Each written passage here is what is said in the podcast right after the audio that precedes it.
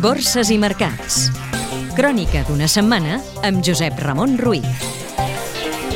La injecció coordinada de capital públic a la banca europea, l'aposta de la Reserva Federal nord-americana de més incentius davant l'actual debilitat de l'economia, les noves mesures del Banc Central Europeu i les bones xifres d'atur als Estats Units han impulsat les compres a les borses.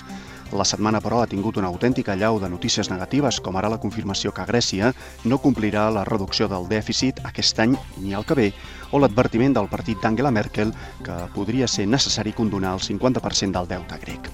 També ha estat protagonista l'agència qualificadora Moody's.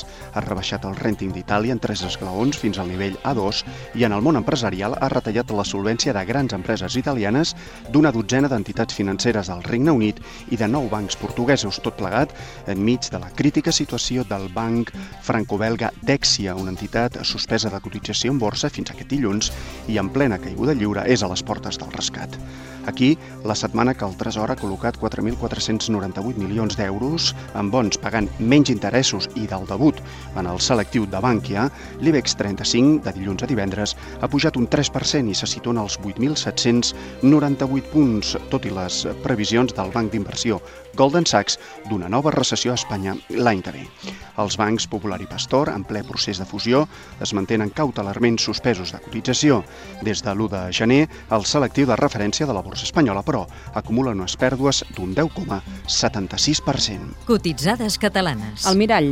Els laboratoris que han llançat al mercat el medicament Libertec per a pacients amb la malaltia pulmonar obstructiva crònica han rebaixat les seves previsions de beneficis un 20% per aquest 2011 arran de la reforma farmacèutica aprovada a l'agost pel govern. Fluidra. El fabricant d'aplicacions per al tractament de l'aigua ha començat converses amb el Sudan amb l'objectiu de posar en marxa nous projectes comercials a l'Àfrica. Miquel i Costas. La paperera ha repartit un dividend de 0,12 euros nets per acció a compte dels resultats d'aquest any. Welling. L'aerolínia de baix cost, que es consolida a l'aeroport de Barcelona al Prat, amb un increment de més de 370.000 seients per aquest hivern, preveu tancar l'any amb beneficis. Fergo Aïsa. El jutge mercantil número 1 de Barcelona ha arxivat la petició de concurs de creditors de la immobiliària després del pacte amb Catalunya Caixa pel pagament del deute pendent d'11 milions i mig d'euros. L'euro.